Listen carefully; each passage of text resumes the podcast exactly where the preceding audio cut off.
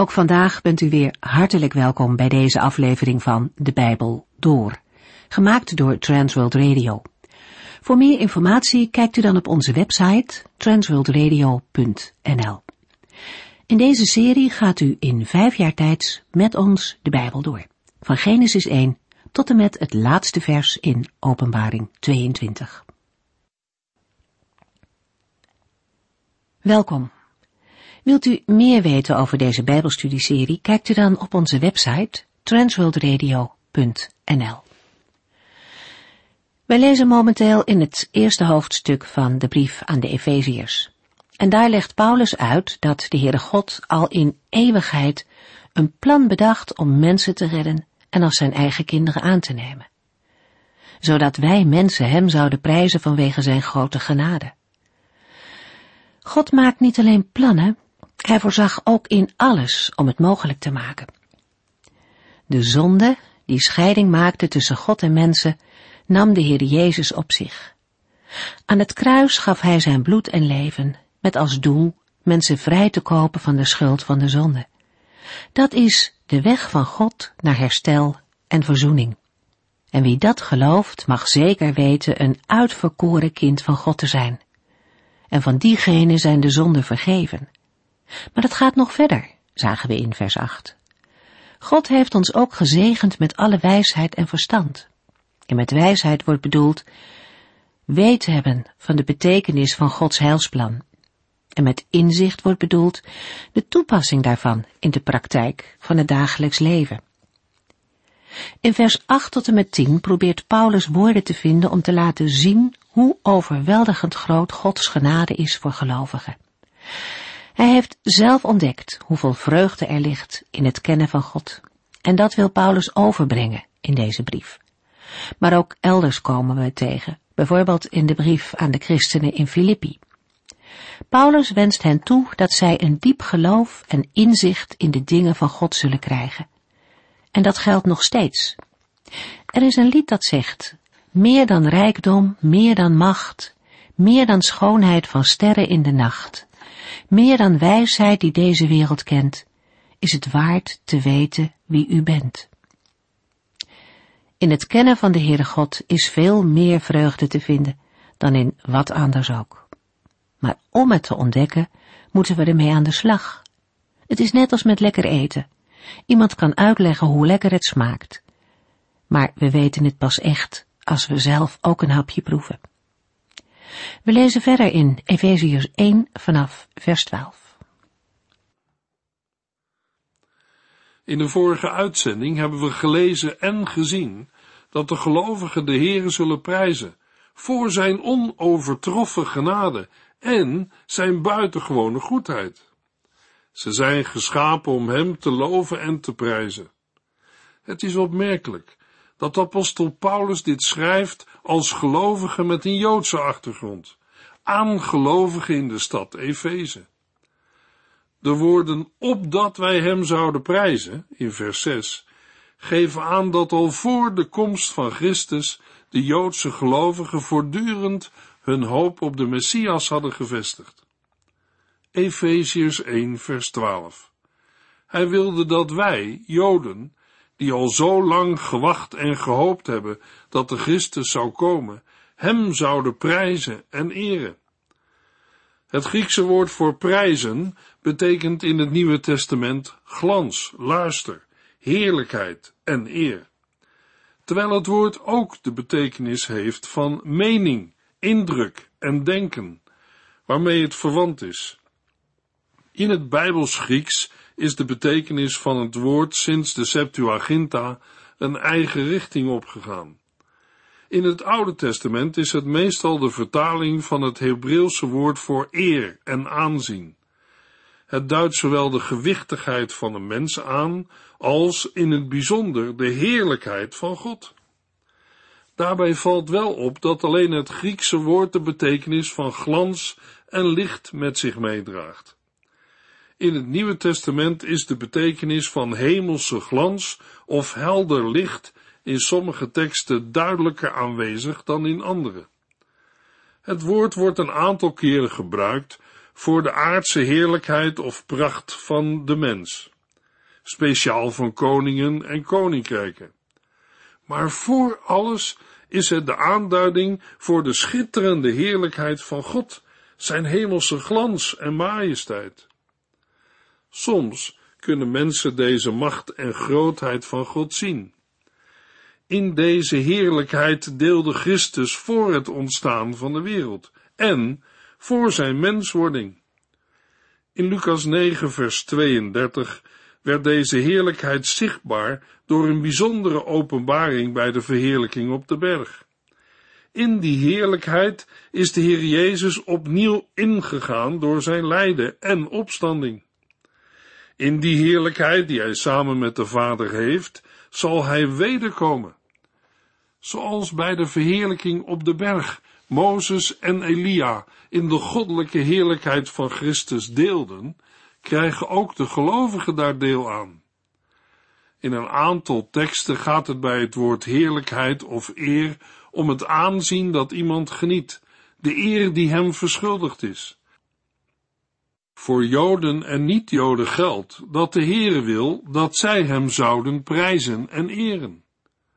Efeziërs 1 vers 13 En niet alleen wij, maar ook u, die de waarheid hebt gehoord, het goede nieuws dat uw redding is.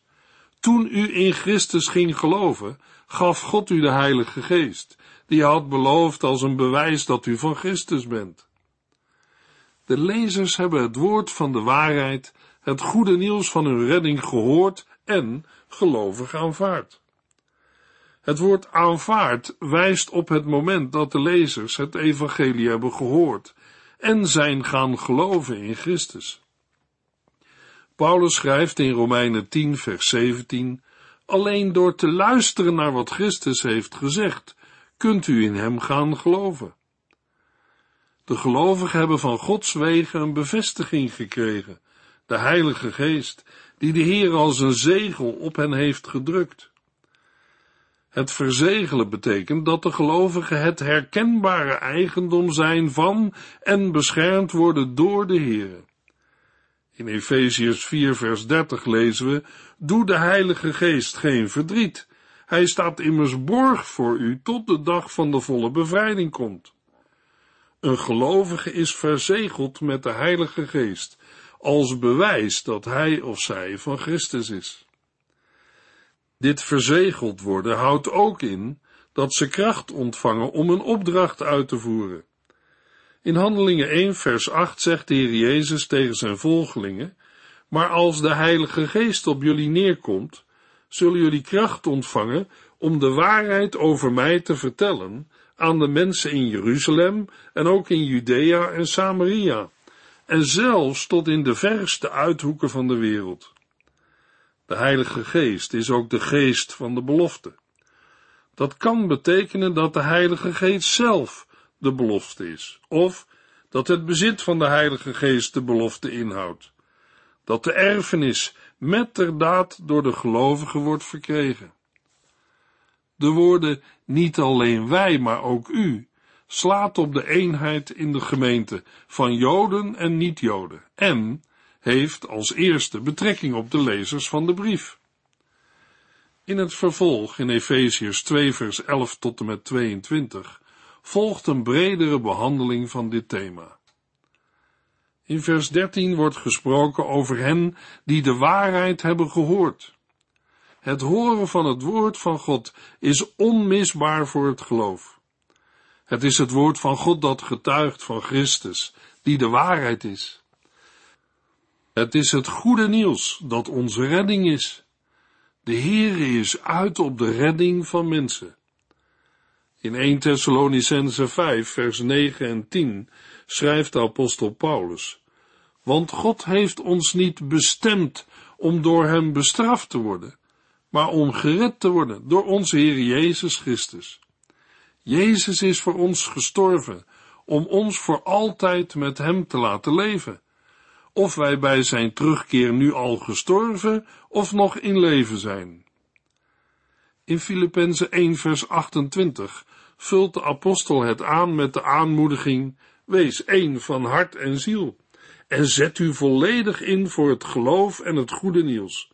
En laat u daarbij in geen enkel opzicht schrik aanjagen door uw tegenstanders. Dat zal hun duidelijk maken dat zij verloren gaan, maar voor u zal het een duidelijk teken van God zijn dat Hij u heeft verlost. Vers 13 geeft aan het slot een prachtige bemoediging voor een gelovige. Toen u in Christus ging geloven, gaf God u de Heilige Geest, die hij had beloofd als een bewijs dat u van Christus bent. We zagen al eerder dat de Heilige Geest een bevestiging geeft dat de gelovige niet meer van zichzelf is, maar van Christus. Gewaarmerkt als Gods eigendom. Het eigen getuigenis van Paulus is in dit opzicht hartverwarmend. Gelaten 2, vers 19 tot en met 21. Ik leef niet meer voor de wet, maar voor God. Ik ben samen met Christus aan het kruis gestorven. Daarom leef ik zelf niet meer, maar Christus leeft in mij. Zolang ik nog in dit lichaam ben, leef ik door het geloof in de Zoon van God. Hij hield zoveel van mij, dat hij zijn leven voor mij heeft gegeven. Wat God in zijn genade heeft gedaan, wil ik niet onderschatten. Want als wij het met God in orde konden maken door de Joodse wet te houden, zou Christus voor niets gestorven zijn. Luisteraar, een mens is van nature geneigd om het werk dat de Heer in zijn genade heeft gedaan te onderschatten. Allerlei reacties kunnen bij een mens naar boven komen. Ze variëren van God bestaat niet en dan hoef ik mij ook niet druk te maken over zijn genade, tot ik doe toch mijn best. Dat moet voor een God die liefde is genoeg zijn. Maar, weet u wat het is? Een mens kan van alles denken, maar komt dat overeen met dat wat God heeft gezegd? Zeker, als een mens de conclusie heeft getrokken dat God niet bestaat, lijkt het logisch of zinloos om over zo'n vraag niet na te denken. Immers, iemand die niet bestaat kan ook niet zeggen. Maar is het feit dat God zich aan Israël heeft geopenbaard en door Israël aan heel de mensheid geen bewijs dat hij er is? Welke argumenten heeft een mens om met absolute zekerheid te kunnen zeggen dat de Bijbel niet het woord van God is? De Heer heeft mensen voor het schrijven van zijn woord gebruikt. Hij heeft hen geïnspireerd door zijn Heilige Geest. Paulus schrijft in 2 Timotheus 3 vers 16, alles in de boeken is door God geïnspireerd en is nuttig om ons de waarheid te leren en ons te wijzen op wat er aan ons leven en geloof nog mankeert. Het zet ons leven op orde en helpt ons te zien wat juist en goed is. Zo maakt God ons klaar, opdat Hij ons voor elk goed werk kan gebruiken. Is het ontkennen van iemands bestaan niet veel meer een vorm van vijandschap en verheerlijken van eigen menselijke mogelijkheden en kunnen? Wat een mens ook doormaakt aan moeilijke dingen, situaties en ervaringen. Een gelovige mag weten dat de Heere alle dingen doet medewerken ten goede. Om het met de woorden van Paulus te zeggen, zo maakt God ons klaar opdat Hij ons voor elk goed werk kan gebruiken. Niemand verlangt naar moeilijke dingen, maar het zijn wel gebeurtenissen waar wij mensen het meeste van leren en die verandering van denken teweeg kan brengen. De apostel Paulus is daar zelf een groot voorbeeld van. Hij schrijft in 1 Timotheus 1, vers 12 tot en met 16, Wat ben ik dankbaar dat onze Heer Jezus Christus mij heeft uitgekozen om een van zijn boodschappers te zijn, en dat hij mij de kracht geeft hem trouw te blijven, hoewel ik vroeger zelfs de naam van Christus bespot heb. Ik heb zijn gemeente vervolgd en deze kwaad gedaan zoveel ik kon. Maar God heeft zich over mij ontfermd, omdat ik niet wist wat ik deed. Ik kende Christus toen nog niet. Wat is de Heere goed voor mij geweest? Hij heeft mij het geloof in Christus Jezus gegeven en mij vervuld van diens liefde. Het is een onomstotelijk feit en iedereen zou dat moeten geloven, dat Christus Jezus in de wereld is gekomen om zondaars te redden. En ik, Paulus, was wel de ergste van allemaal. Maar God heeft mij vergeven, opdat Christus mij zou kunnen gebruiken als voorbeeld om te laten zien hoeveel geduld hij heeft. Zo zullen anderen beseffen dat ook zij eeuwig leven kunnen krijgen. Luisteraar, na zo'n getuigenis blijft er maar één gebed over. Here, wilt u alle luisteraars doen beseffen dat ook zij eeuwig leven kunnen krijgen. Efeziërs 1 vers 14 Deze geest in ons is een borg voor wat God ons allemaal zal geven, als Hij ons, zijn eigen volk, zal verlossen. Een reden te meer om Hem te eren voor Zijn grootheid. De Heilige Geest in de gelovigen is een borg. Met andere woorden, de eerste aanbetaling op de toekomstige erfenis. Het Griekse woord kan weergegeven worden met voorschot, onderpand, aanbetaling. De Heilige Geest is enerzijds de stellige verzekering dat de erfenis in zijn geheel ontvangen zal worden door de gelovigen. Anderzijds heeft een gelovige de erfenis al voor een deel ontvangen. Paulus schrijft in Romeinen 8, vers 23 tot en met 25, Wij hebben als een voorproef van het nieuwe leven de Heilige Geest ontvangen. Maar toch zuchten en verlangen ook wij naar de dag dat ons lichaam zal worden verlost van ziekte en dood. Deze verwachting is onze redding. Maar het is nog niet zover, anders zou het geen verwachting meer zijn. Iets dat er al is, hoef je immers niet meer te verwachten. Maar zolang het er nog niet is, blijven wij het geduldig verwachten. Dat wat de Heer ons allemaal zal geven, is niet iets anders dan dat de gelovige van de Heer is. De gelovigen zijn in Christus al verlost, maar deze verlossing zal een gelovige pas bij de komst van Christus helemaal ten deel vallen. Zoals vers 3 begint met een lofprijzing, eindigt ook vers 14 met een lofprijzing. Daarmee wordt opnieuw gezegd wat het doel van ons bestaan als mens is. God eren voor zijn grootheid. Op grond van de Bijbel moeten we stellen dat ieder mens die God niet eert voor zijn grootheid, zijn of haar levensdoel mist. Al Gods daden in Christus zijn een reden om Hem te eren voor Zijn grootheid. Efeziërs 1 vers 15 Daarom houd ik ook niet op God voor u te danken, want ik heb gehoord hoe groot uw geloof in de Heer Jezus en uw liefde voor alle christenen is. In de meeste brieven van Paulus volgt op de aanhef een dankzegging. Daarin worden in wisselende volgorde het geloof, de liefde en de hoop van de geadresseerden genoemd. De hoop komt in de brief aan de gelovigen in de stad Efeze bij vers 18 aan de orde. Het woordje daarom, waarmee vers 15 begint, verwijst naar de voorafgaande verse en geeft de reden aan voor de dankzegging van de apostel Paulus. Hij heeft gehoord van hun geloof in de Heer Jezus. Dat wil zeggen, ze zijn gehoorzame volgelingen van de opgestane en verhoogde heiland geworden. Hun liefde betreft al de christenen, waarmee allereerst de leden van de eigen gemeente zijn bedoeld en vervolgens de gelovigen in het algemeen. Voor het woord christenen staat in de Griekse tekst heiligen. Het heilig zijn is een eigenschap van personen en zaken die bij de Here horen en daarmee apart staan van de zondige wereld. In het Nieuwe Testament wordt op een meerderheid van plaatsen de Heilige Geest heilig genoemd, ter onderscheiding van geesten en demonen die niet bij God horen.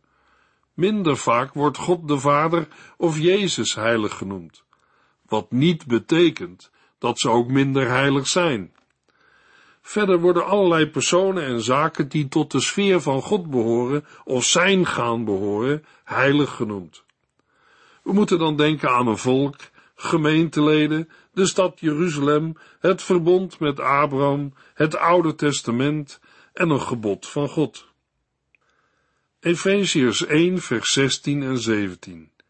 Ik dank God zonder ophouden voor u, en in mijn gebed vraag ik de God van onze Heer Jezus Christus, de Vader die alle eer verdient, u wijsheid te geven, opdat u helder en duidelijk zult zien wie Christus is en hem door en door zult kennen. Paulus is een biddende apostel, die net als de hoge priester in het Oude Testament de gemeente op zijn hart draagt en bij de Heere aanbeveelt. Een man van voortdurend gebed. Ook in andere brieven komen we de voorbeden van de apostel voor de gelovigen regelmatig tegen. In Romeinen 1 vers 9 lezen we, God weet dat ik voortdurend voor u bid. Aan de Filippenzen schrijft de apostel, telkens als ik aan u denk, dank ik God. Als ik voor u bid, is mijn hart vol vreugde. Aan de gelovigen in Thessalonica schrijft Paulus, Dag en nacht bidden wij vurig voor u en smeken wij God u weer te mogen zien om mee te werken aan de versterking van uw geloof. In Filemon 1 vers 4 lezen we, Als ik voor u bid, dank ik God telkens weer, want ik hoor dat u de Heer Jezus trouw bent en dat u uw medechristenen lief hebt. De dankzegging en lofprijzing lopen uit op de voorbeden. Deze volgorde is in overeenstemming met de Joodse gebedstructuur, waarbij een lofprijzing van God om wat hij vroeger heeft gedaan, gevolgd wordt door een bede of verzoek om Gods handelend ingrijpen nu en in de toekomst. De christelijke gemeente van Efeze was bekend om zijn geloof en liefde. Liefde was niet alleen een veelgebruikt woord, maar werd ook daadwerkelijk in praktijk gebracht. Het was gebaseerd op hun geloof in de Heer Jezus Christus.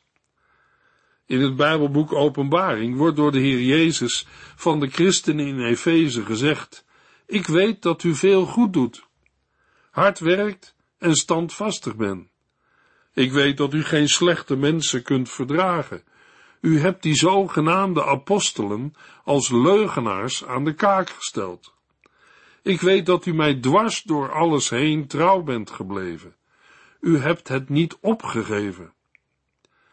Toch was ook Efeze een plaats waar niet alles koek en ei was. In Openbaring 2 vers 4 lezen we dat de Heer Jezus zegt, toch heb ik één ding op u tegen. U hebt de liefde van vroeger opgegeven. In andere vertalingen lezen we de woorden, maar ik heb tegen u dat u uw eerste liefde hebt verlaten.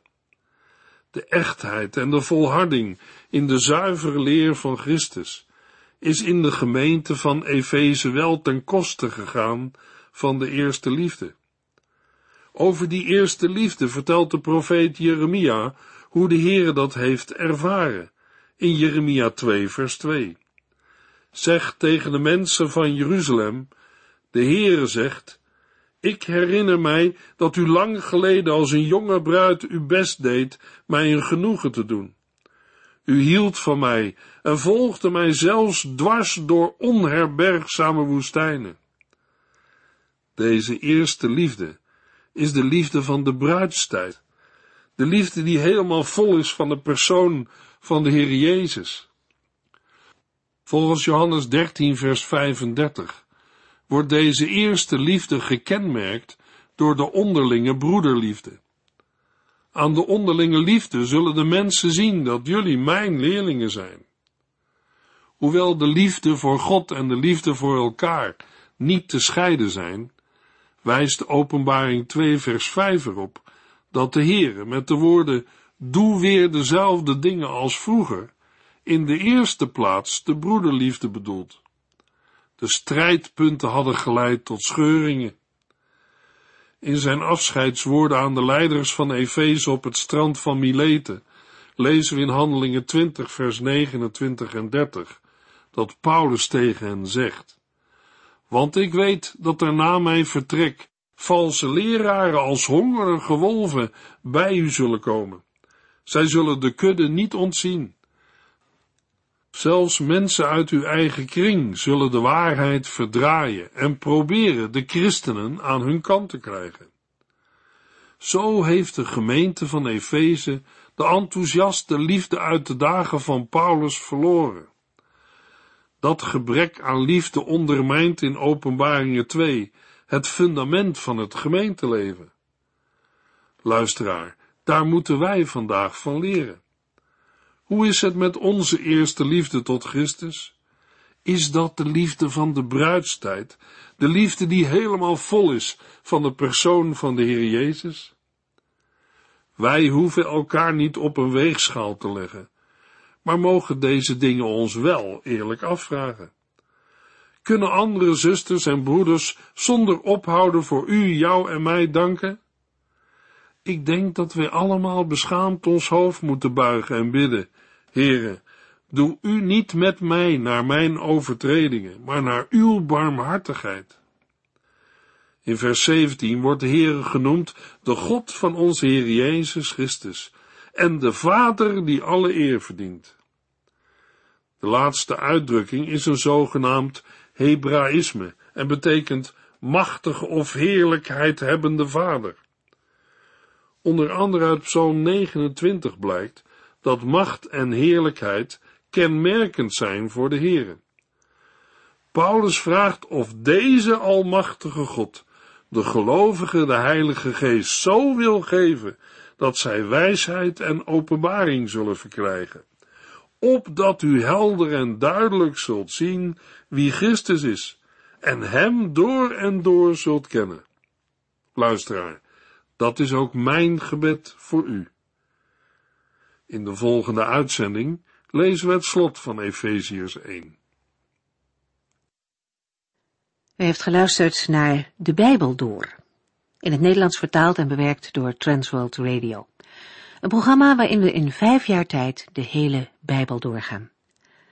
Als u wilt reageren op deze uitzending of u heeft vragen, dan kunt u contact met ons opnemen. Tijdens kantooruren kunt u bellen op 0342 478432 0342 478432. Ook kunt u een e-mail sturen naar de